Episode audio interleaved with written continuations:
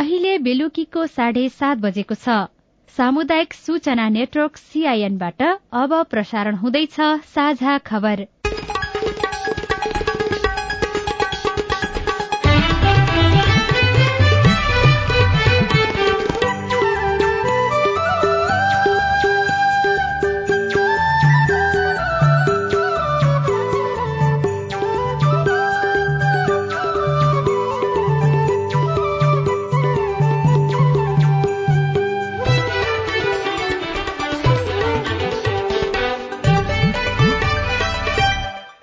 सीआईएनको साझा खबरबाट दीपक आचार्यको नमस्कार। साझा खबर देशभरिका सामुदायिक रेडियो सीआईएन खबर डट कम र मोबाइल एप सीआईएनमा पनि सुन्न सकिन्छ।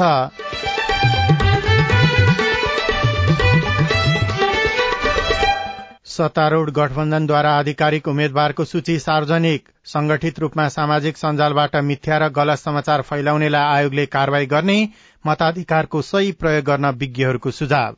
सेवा नै धर्म हो भन्ने किसिमको मान्छे गयो भने उसले राम्रो गर्छ। होइन यो त लुट्ने ठाउँ हो भन्ने हिसाबले चाहिँ कोही पोस्यो भनेदेखि त्यसले चाहिँ नि कल्याण गर्दैन।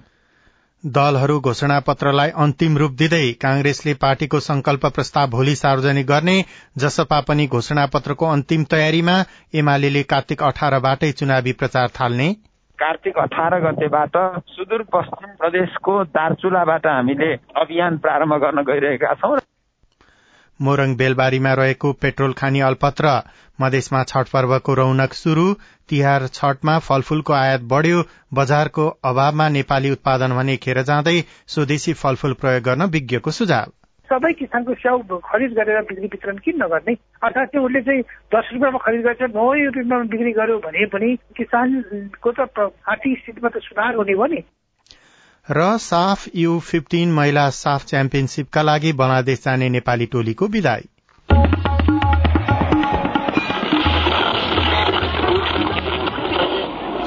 रेडियो।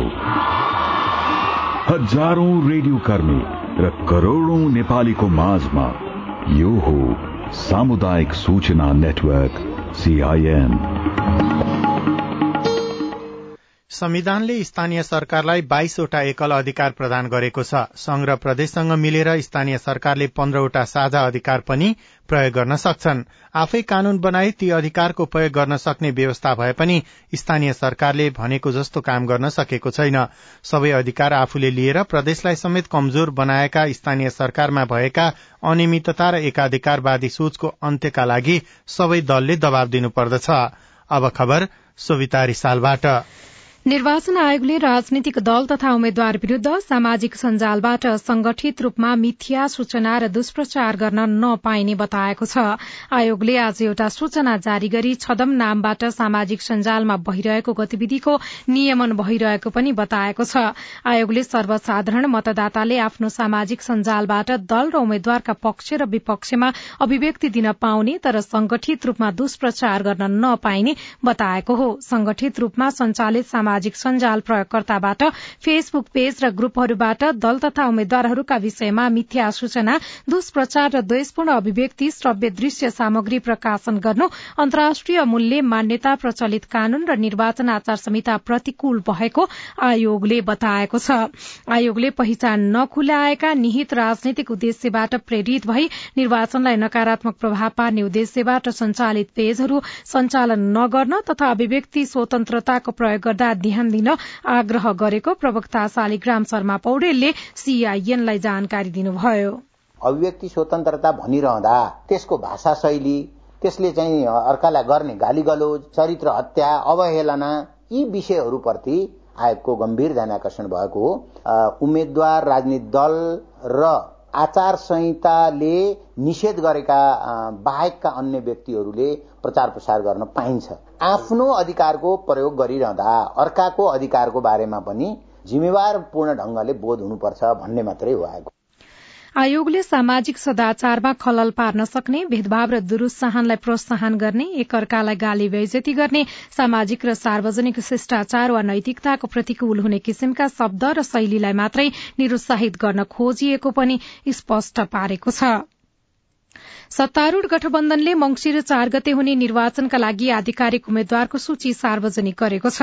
आज बसेको गठबन्धनको बैठकपछि गठबन्धनमा आबद्ध नेपाली कंग्रेसका सभापति शेरबहादुर देउवा नेकपा माओवादी केन्द्रका अध्यक्ष पुष्पकमल दाहाल प्रचण्ड नेकपा एकीकृत समाजवादीका अध्यक्ष माधव कुमार नेपाल र राष्ट्रिय जनमोर्चाका अध्यक्ष चित्रबहादुर केसीले संयुक्त विज्ञप्ति निकालेर आधिकारिक उम्मेद्वारको सूची सार्वजनिक गरेका हुन्।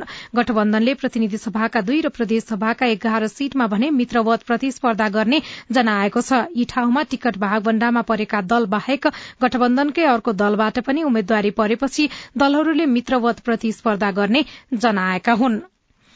नेपाली कांग्रेसले प्रतिनिधि सभा र प्रदेशसभा निर्वाचनका लागि पार्टीको संकल्प पत्र भोलि सार्वजनिक गर्ने भएको छ। भोलि बिहान दस बजे पार्टी केन्द्रीय कार्यालय सानेपा ललितपुरमा कांग्रेसका सभापति समेत रहनुभएका प्रधानमन्त्री देउवाले संकल्प पत्र सार्वजनिक गर्ने कांग्रेसले जनाएको छ। कांग्रेसले यसअघि तिहार अघि नै संकल्प पत्र प्रस्ताव सार्वजनिक गर्ने बताए पनि मिति सारेको थियो। यसैबीच जनता समाजवादी पार्टी जसपा नेपालले पनि प्रदेश सरकारलाई प्रभावकारी र अधिकार सम्पन्न बनाउने नीति सहित आगामी निर्वाचनका लागि पार्टीको चुनावी घोषणा पत्र तयार गरेको छ। मंगिर चार गते हुने निर्वाचनका लागि जसपाले संघीयता समावेशी समानुपातिक र लोकतान्त्रिक गणतन्त्रात्मक मूलभूत विषयमा घोषणा पत्र तयार गरेको जसपाका प्रवक्ता मनिष सुमनले जानकारी दिनुभयो। प्रादेशिक सरकारलाई बलियो बनाउने गरी घोषणा पत्रमा उल्लेख गरिएको उहाँले सीआईएनसँग बताउनुभयो। भयो जसपाले सबै मित्र राष्ट्रसँग समान सम्बन्ध रहने अवधारणा पनि घोषणा पत्रमा समेटेको छ।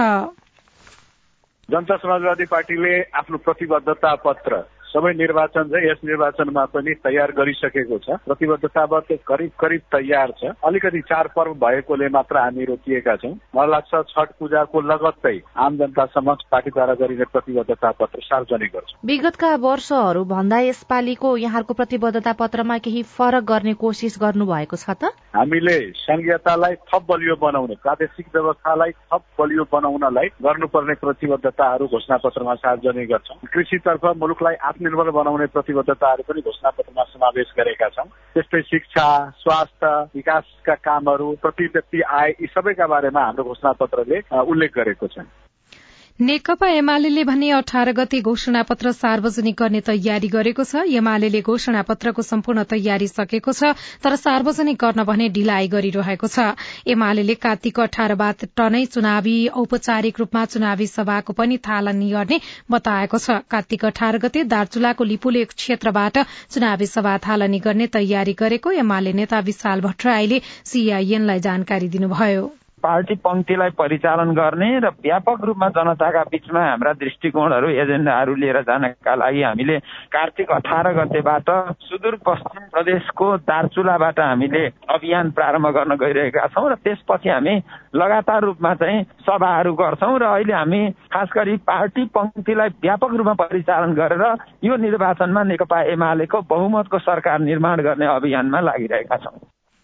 नेपालीहरूको प्रमुख चाड दशैं तिहार तथा छठको लागि फलफूलको आयात बढ़ेको छ। यस वर्षको तिहारमा मात्रै पचहत्तर करोड़ भन्दा बढ़ीको फलफूल आयात भएको छ। काठमाण्डुको कुलेश्वर कालीमाटी लगायतका तरकारी तथा फलफूल पसलमा पचहत्तर करोड़ भन्दा बढ़ीको फलफूल आयात भएको छ। नेपालमा वार्षिक सात अर्ब रूपियाँ बराबरको स्याउ आयात हुने गरेकोमा तिहारमा मात्रै तीस करोड़को स्याउ चालिस करोड़ रूपियाँ बराबरको केरा अनि पाँच करोड़को सुन्तला तथा मौसम लगायतका फलफूल छिमेकी छिमेकी देश भारत सहितका अन्य देशबाट आयात गरिएका छन्। कृषिविदहरूले भने नेपालमा नै उत्पादनको सम्भावना भए पनि करोड़ौं रूपियाँको फलफूल आयात गर्नु उचित नभएको बताउँछन्। सीआईएनसँग कुराकानी गर्दै कृषि तथा पशुपक्षी विकास मन्त्रालयका पूर्व सचिव डाक्टर योगेन्द्र कार्कीले सड़क लगायतका पूर्वाधार र बजारको अभाव हुँदा नेपाली उत्पादन खेर गइरहेको प्रति सरकारको ध्यान जानुपर्ने बताउनुभयो। हाम्रो उत्पादनलाई बढावा दिनु पर्यो। जुन चक्लेट स्याउहरू आइरहेको छ इन्डियाबाट र अन्य कुरा पनि त्यही हामी त्यही ऊ भेराइटिज नै हो इटलीकै भेराइटिज हो भनेपछि हामीले त्यसलाई चाहिँ बढावा दिनुपर्ने हुन्छ। हाम्रो चाहिँ जुन चाहिँ आयात भइरहेको छ त्यसलाई बिस्तारै चाहिँ घटाउँदै जानुपर्ने चाहिँ नितान्त जरुरी छ। त्यसको लागि चाहिँ सरकारले खास गरी संघीय सरकारले प्रदेश सरकारले र स्थानीय तहहरूले विशेष प्राथमिकतामा राखेर कार्यक्रमहरू सञ्चालन गर्नु पर्यो। अब जति पनि उत्पादन भएका छन् फलफूलहरू बिस्तारै बजार पाउँदैन फेरि त्यसले। बजारसम्म ल्याउनको लागि सड़क सड़कको पहुँच हुँदैन। कतिपय अवस्थामा कतिपय अवस्थामा दुई सय रुपियाँमा बिक्ने कुरा अस्सी रुपियाँमा झरिदिन्छ। यस्तो खालको माहौलले फेरि नेपाली व्यवसायीलाई चाहिँ निरुत्साहित बनाउने अनि फेरि आयात चाहिँ भएको भई गर्ने स्थिति पनि देखा जस्तो लाग्छ। तर हाम्रो उत्पादन लगत चाहिँ विदेशबाट आउने भन्दा महँगो परिरहेको कारण चाहिँ के भनेदेखि चाहिँ मानौ न दिल्लीबाट आउनु र हुम्ला जुम्लाबाट आउनु उस्तै कस्ट पर्ने भएपछि चाहिँ सिमलादेखिको च्याउहरू आउने भयो स्वाभाविक रूपमा। त्यसको लागि चाहिँ हामीले सरकारले चाहिँ रेस्ट्रिक्सन चाहिँ हामीले लगाउनु पर्छ जसले गर्दाखेरि चाहिँ स्थानीय उत्पादनले अथवा देशभित्र उत्पादित वस्तुहरूले बजार पाउने किसिमले आयातमा काहीँ न काहीँ चाहिँ हामीले रेस्ट्रिक्सन लगाउनु पर्छ। जुन स्याउ फल ल्याएको छ त्यहाँको सरकार छ नि स्थानीय सरकार। स्थानीय सरकारले सबै किसानको स्याउ खरिद गरेर बिक्री वितरण किन नगर्ने? अर्थात् चाहिँ उसले चाहिँ दस रुपियाँमा खरिद गरेर नौ रुपियाँमा बिक्री गर्यो भने पनि किसानको त आर्थिक स्थितिमा त सुधार हुने हो नि। तिहारका लागि बीस करोड़ रूपैयाँको स्याउ चीनबाट र दस करोड़को चकलेटी स्याउ भारतको काश्मीरबाट भित्रदा मनाङ मुस्ताङ लगायतका जिल्लाबाट करिब तीन करोड़को स्याउ काठमाण्डु उपत्यकामा भित्रिएको छ। नेपालभर कुल स्याउ खपतको करिब दश प्रतिशत मात्रै नेपाली स्याउले स्थान पाएको नेपाल फलफूल थोक व्यवसाय संघले जनाएको छ। जनकपुर धाम लगायत मिथिला अञ्चलमा आस्थाको महापर्व छठ औपचारिक रूपमा आजदेखि शुरू भएको छ। पर्वको पहिलो दिन आज नहाए खाए विधि मनाइँदैछ। श्रद्धा र निष्ठापूर्वक मनाइने छठ पर्वका लागि तराई मधेसको विभिन्न स्थानमा अन्तिम तयारी पूरा भएको छ। जनकपुर धामको धनुष सागर अंगराज सर दशरथ तलाउ जानकी सरोवर लगायत पोखरीलाई सजी सजाउ पारिएको छ। यस्तै तराई मधेस क्षेत्रमा रहेका पोखरी र तालहरू छठ पूजाका लागि तयारी अवस्थामा राखिए राखिएको छ भने काठमाण्डु उपत्यकाभित्रका पोखरी पनि छठको लागि तयार अवस्थामा रहेका छन्। साझा खबरमा अब खेल खबर साफ पन्ध्र वर्ष मुनिका महिला साफ च्याम्पियनशीपका लागि बंगलादेश जाने नेपाली टोलीको विदाय गरिएको छ। अखिल नेपाल फुटबल संघ एन्फाले आज नेपाली टोलीलाई विदाय गरेको हो। राष्ट्रिय खेलकुद परिषद राखेपाका सदस्य सचिव टंकलाल घिसिङ एन्फा अध्यक्ष पंकज विक्रम नेमुवाङ लगायतले नेपाली टोलीलाई विदाय गर्नुभएको छ। नेपाली महिला क्रिकेट सम्मिलित क्यान एघारले अस्ट्रेलियाको मेरी लेभोन क्रिकेट क्लबलाई उन्नाइस रनले हराएको छ। पोखरा रंगशालामा एक सय रनको लक्ष्य पाएको एमसीसीलाई उन्नाइस ओभर पाँच बलमा अस्सी रनमा अल आउट गर्दै नेपाली टोलीले जीत हात पारेको हो।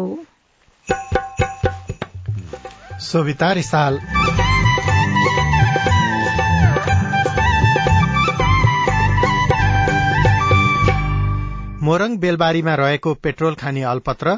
स्थानीयवासीहरू पनि काम पाउने। यहाँ हामीलाई पनि सजिलो हुन्थ्यो। यसले तेल निकाल्दाखेरि हामीलाई अहिले यो दुई सय रुपियाँ लिटरको तेल किन्नु पर्ने थिएन। अलिक सस्तै हुन्थ्यो हामीलाई। सरकारको अन्वेषण कहाँ पुग्यो रिपोर्टसँगै मतदाताले भोट नहाल्दा के के फरक पर्दछ? लगायतका सामग्री बाँकी नै छन्। सीआईएनको साझा खबर सुन्दै गर्नुहोला।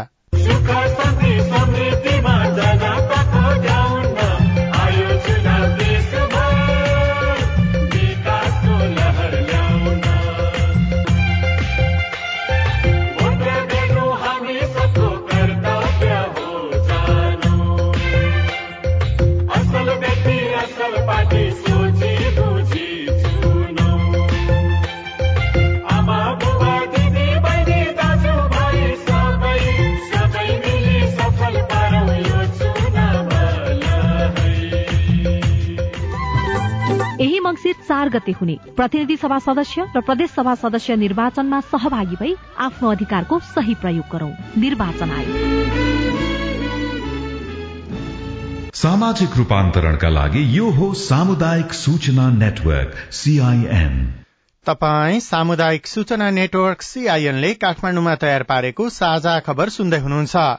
भारतमा विस्फोट गरिएको ढुङ्गा उछिटिएर लाग्दा सीमावारी नेपालको बाटोमा हिँडिरहेका एक बालकको मृत्यु भएको छ। दार्चुलाको ब्यास गाउँपालिका दुईमा बाटोमा हिँडिरहेका एक बालकको मृत्यु भएको हो।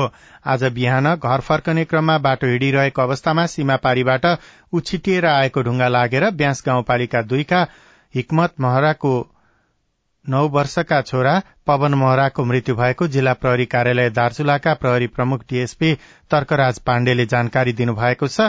रेडियो लिपुलेक दार्चुलाले खबर पठाएको छ। मौतरीको भगा नगरपालिका आठमा हिजो भएको झडपमा संलग्न समुदाय र स्थानीय प्रशासन बीच आठ बुधे सहमति भएको छ।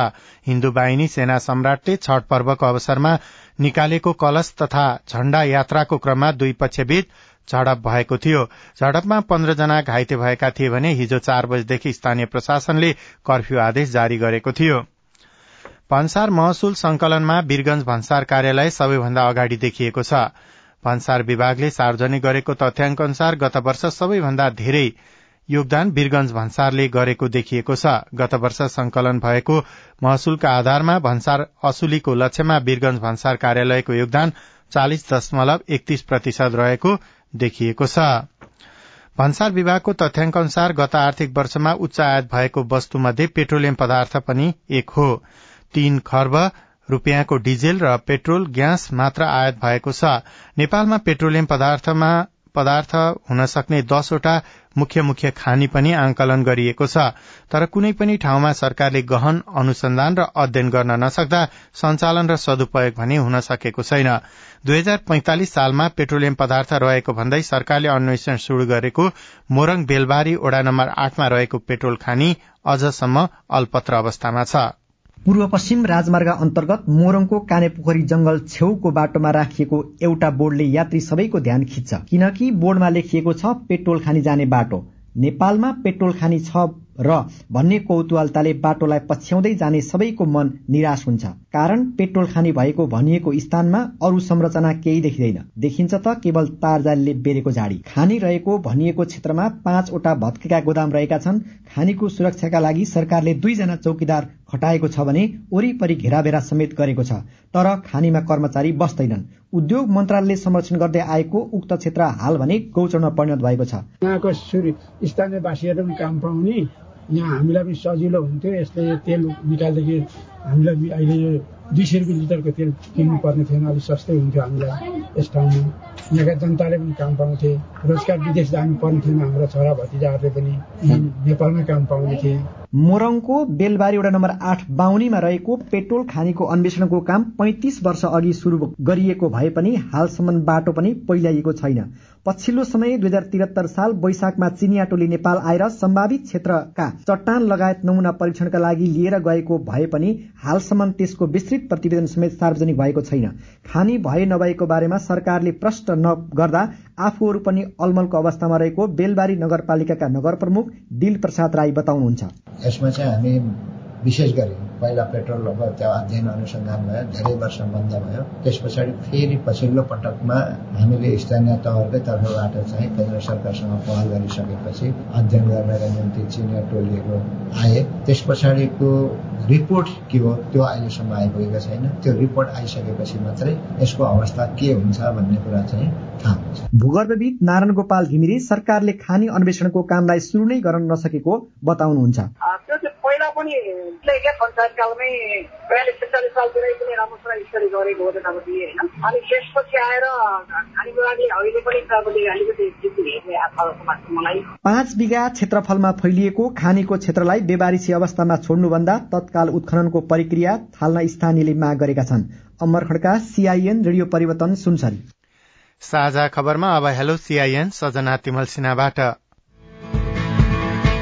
मेरो नाम दामोदर बराल हो तर माडीबाट बोल्दैछु अहिलेको नेताहरूले धेरै ठाउँमा धेरै धेरै पैसा खर्च गरिसकेका छन् सरकारी संयन्त्र चाहिँ दुरुपयोग गरेर चाहिँ निर्वाचनमा प्रचारको लागि हिँडिरहेका छन् त्यस कारण चाहिँ निर्वाचन आयोगले त कुनै पनि चाहिँ उम्मेद्वारको आजसम्म चाहिँ उम्मेदवारी रद्द गरेको त्यो रेकर्ड छैन निर्वाचन आयोगले उम्मेदवारी रद्द गरेर कुनै पनि उदाहरण काम गर्नु पर्यो यो मेरो निर्वाचन आयोगलाई प्रश्न हो। जवाफ दिँदै हुनुहुन्छ निर्वाचन आयोगका सहायक प्रवक्ता कमल भट्टराई। अहिलेसम्म उम्मेदवारी रद्द गरेको चाहिँ रेकर्ड छैन।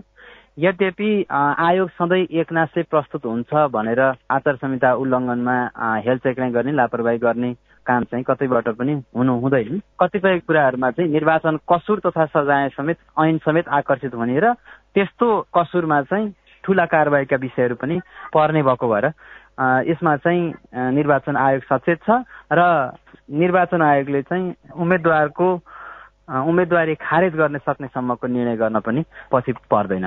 डोटीबाट लक्ष्मण महरा हाम्रो फेसबुक पेजमा प्रश्न गर्नुहुन्छ काठमाडौँमा विदेश जाँदा चाहिने कोरोना विरूद्धको खोपको क्यूआर कोड बनाउनको लागि दुई हजारदेखि पच्चीस सय रूपियाँसम्म लिन्छन्। आफ्नै गाउँपालिकाबाट बनाएर ल्याएको कोविड शिल्ड र भेरोसेल खोप लगाएको क्यूआर कोड चल्दैन रे। अनि जसरी पनि जोन्सन एण्ड जोन्सनको खोप लगाएको क्यूआर कोड चाहियो भन्छन्। यसरी पैसा तिरेर अरू व्यक्तिले बनाएको क्यूआर कोड कतिको भर पर्दो हुन्छ? अनि कोविडशील्ड र भेरुसेल खोप लगाएको मान्यता दिँदैन भने किन सरकारले यस्तो खोप लगाएको हो? लक्ष्मणजी तपाईँको प्रश्न सुनेपछि स्वास्थ्य तथा जनसंख्या मन्त्रालयका सहप्रवक्ता डाक्टर समीर कुमार अधिकारी भन्नुहुन्छ। नेपालमा राज्यले सबैलाई खोप पनि निशुल्क उपलब्ध गराएको छ। खोपको कार्ड पनि निशुल्क उपलब्ध गराउने व्यवस्था गरेको छ।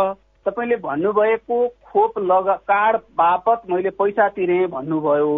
हामी त्यस्ता निकायहरूलाई त्यस्ता व्यक्तिहरूलाई समाएर कानूनको दायरामा ल्याउने उपायहरू चाहिँ सरकारले गर्छ। त्यसलाई हामी समन्वय गर्छौँ।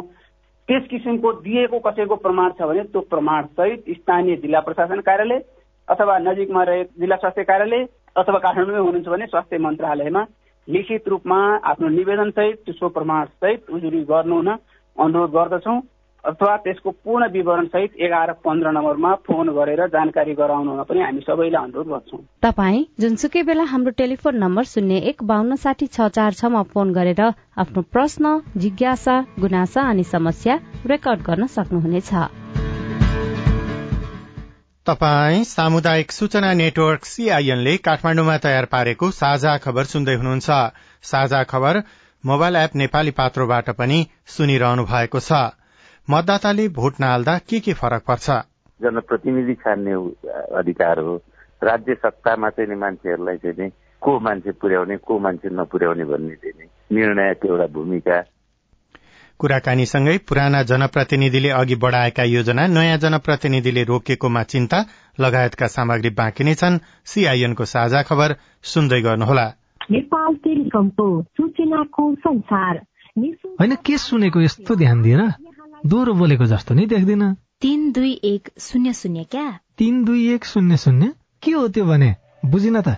ल सुन एनटिसी प्रयोगकर्ताहरूले आफ्नो मोबाइल तथा ल्यान्डलाइनमा तीन दुई एक शून्य शून्य डायल गरी समाचार रेडियो कार्यक्रम खेल र अन्य विषय बारे सन्देशहरू जुनसुकै बेला निशुल्क सुन्न सक्छन्। ओहो निशुल्क?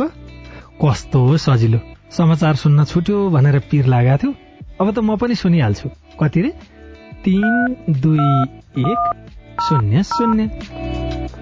सामाजिक रूपान्तरणका लागि यो हो सामुदायिक सूचना नेटवर्क सीआईएन तपाई सामुदायिक सूचना नेटवर्क सीआईएनले काठमाडौँमा तयार पारेको साझा खबर सुन्दै हुनुहुन्छ। स्थानीय निर्वाचन मार्फत नयाँ जनप्रतिनिधिहरू आएको पाँच महिना भयो। तर नागरिक र उपभोक्ता समितिले अघिल्लो सरकारले बाँडफाँड गरेका योजनाहरूको भुक्तानी समेत पाएका छैनन्। अघिल्ला कार्यकालका प्रतिनिधिले रकम भुक्तानी गरेनन्। नयाँ आएकाले अघिल्लो कार्यकालका जनप्रतिनिधिले गरेका निर्णयलाई वास्ता गरेका छैनन्। यसका कारण हुम्लाका उपभोक्ता समितिहरूले काम गरे बापतको रकम समेत पाएका छैनन्।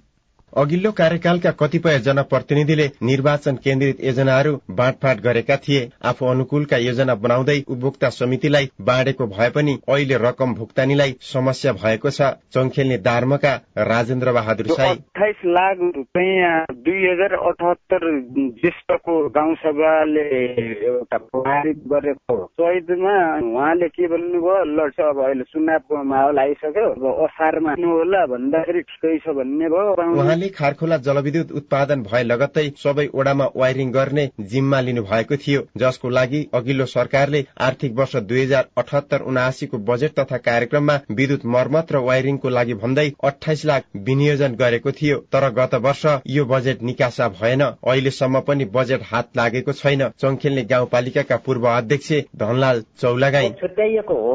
अब पहिला त्यो वायरिङ गरेको टोटल जनताहरूले गमगढीको मान्छेबाट पनि 下 तिर्न रहेछ।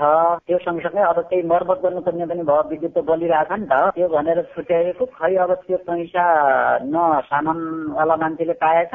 अब न समितिले पायो। अब त्यो पैसा कहाँ के गर्यो भन्ने कुरा अब हामी त्यो सन्जेलसम्म त्यो पैसा अब कहीँ केटी गरेका थिएन। तौलागाई इलेक्ट्रोनिक्स पसल मुगु गमगढीबाट सामग्री ल्याएर राजेन्द्र बहादुर साईले गाउँमा वायरिङ गरिदिनु भएको थियो। पसलले साईलाई रकम मागिरहेको छ। चौलागाई इलेक्ट्रोनिक्सका तीर्थराज चौलागाई। नेपाली साल लगेको हेमबाट सामान। उसको त कागज छ लिखित छ भोलि त यदि पैसा कसैले राजनीतिक मुद्दा हाल्ने मसँग डकुमेन्ट छैन चेक गरेर दायर गरेर उसले गरेर गरेर वास्तविकता मैले राजनीतिबाट लिनुपर्ने राजनीति मलाई पैसा दिनु अरूमा थाहा छैन राजनीतिले मलाई दिनुपर्ने चाहिँ हो। म त अब राजनीतिक मुद्दा हाल्ने अदालत प्रक्रियामा जाने तयारीमा छु हो। गाउँपालिकाले भने पालिकाबाट उक्त रकम भुक्तानी गर्न खोजिएको तर रकम उपभोक्ता समितिले लिने वा पसलले लिने भन्नेमा विवाद भएपछि रकम दुरूपयोग हुनबाट जोगाउनको लागि पालिका भित्रका माध्यमिक विद्यालयमा रकमान्तर गरिएको जनाएको छ।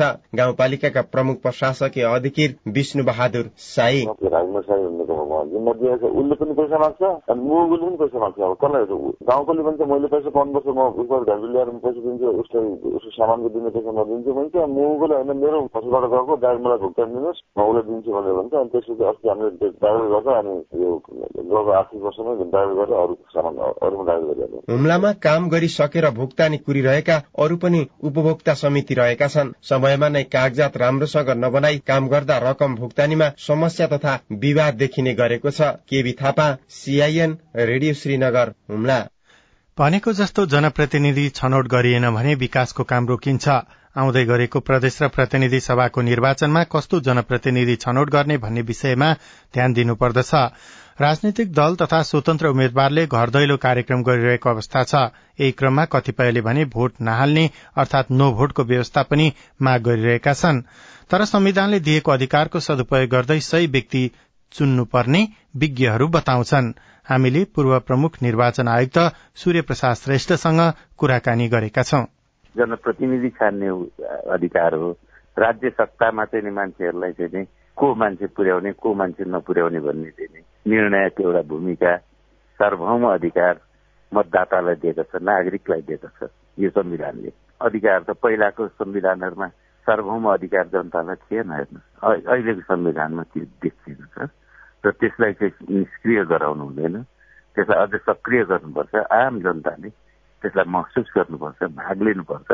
चित्त नबुझेका जनप्रतिनिधिहरू छन् भने फेर्नुपर्छ चित्त बुझेको छ भने उनीहरूलाई कन्टिन्यू गर्नुपर्छ। त्यो प्रक्रिया हो। लोकतान्त्रिक एउटा व्यवस्थाको प्रक्रिया हो। त्यो प्रक्रियाभित्र हामी पस्नै पर्छ।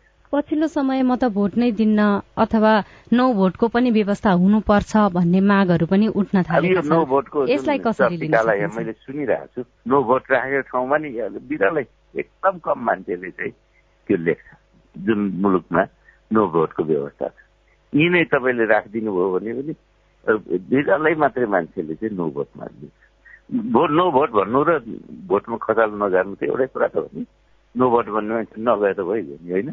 त्यसैले यसलाई नै पनि इस्यु बनाउने यो भएन भनेदेखि चाहिँ यस्तो गर्नु थाल्यो उस्तो गर्नु थाल्यो भनेर बोल्ने त्यो जसले राजनीतिको राम्रोसँग पठन पाठन गरेको छैन त्यस्तो व्यक्तिहरूले मात्रै गर्ने कुरा हो। मतदाताहरूले योग्य व्यक्ति कसरी छनौट गर्ने? उनीहरूको नजिकै के छ उसको पर्फर्मेन्स के छ उसको चरित्र के छ उनीहरूले देखेको मान्छे बुझेको मान्छे चिनेको मान्छे त्यो सबैलाई विचार गरेर मतदाताले आफ्नो मतदान गर्नुपर्छ र आफ्नो सार्वभौम अधिकार जुन छ संविधानले दिएको कानूनले दिएको राज्यले दिएको त्यो अधिकारको चाहिँ नि तपाईँको चाहिँ नि बढीभन्दा बढी सदुपयोग गर्नु उपयुक्त हुन्छ।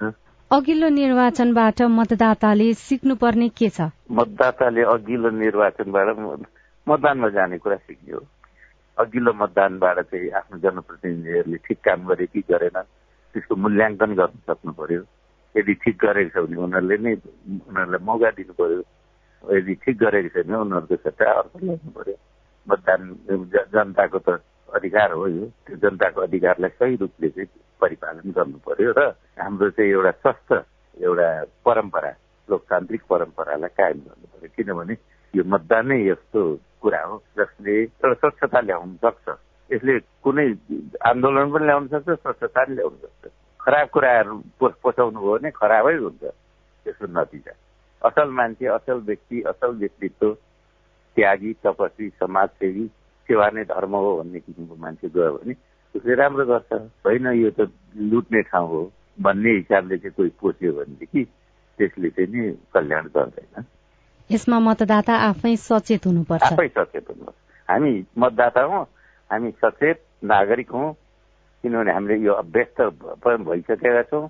हामीले धेरैवटा पन्ध्रवटा भन्दा बढी निर्वाचनमा राष्ट्रिय निर्वाचनमा भाग लिइसकेको मान्छेहरू छौँ हामी पूर्व प्रमुख निर्वाचन आयुक्त सूर्य प्रसाद श्रेष्ठ लोकतान्त्रिक अभ्यासलाई आत्मसात गर्दै स्वच्छ निर्वाचनका लागि सबैले खबरदारी गर्नुपर्छ। सत्तारूढ़ गठबन्धनले निर्वाचनका लागि आधिकारिक उम्मेद्वारको सूची सार्वजनिक गरेको छ।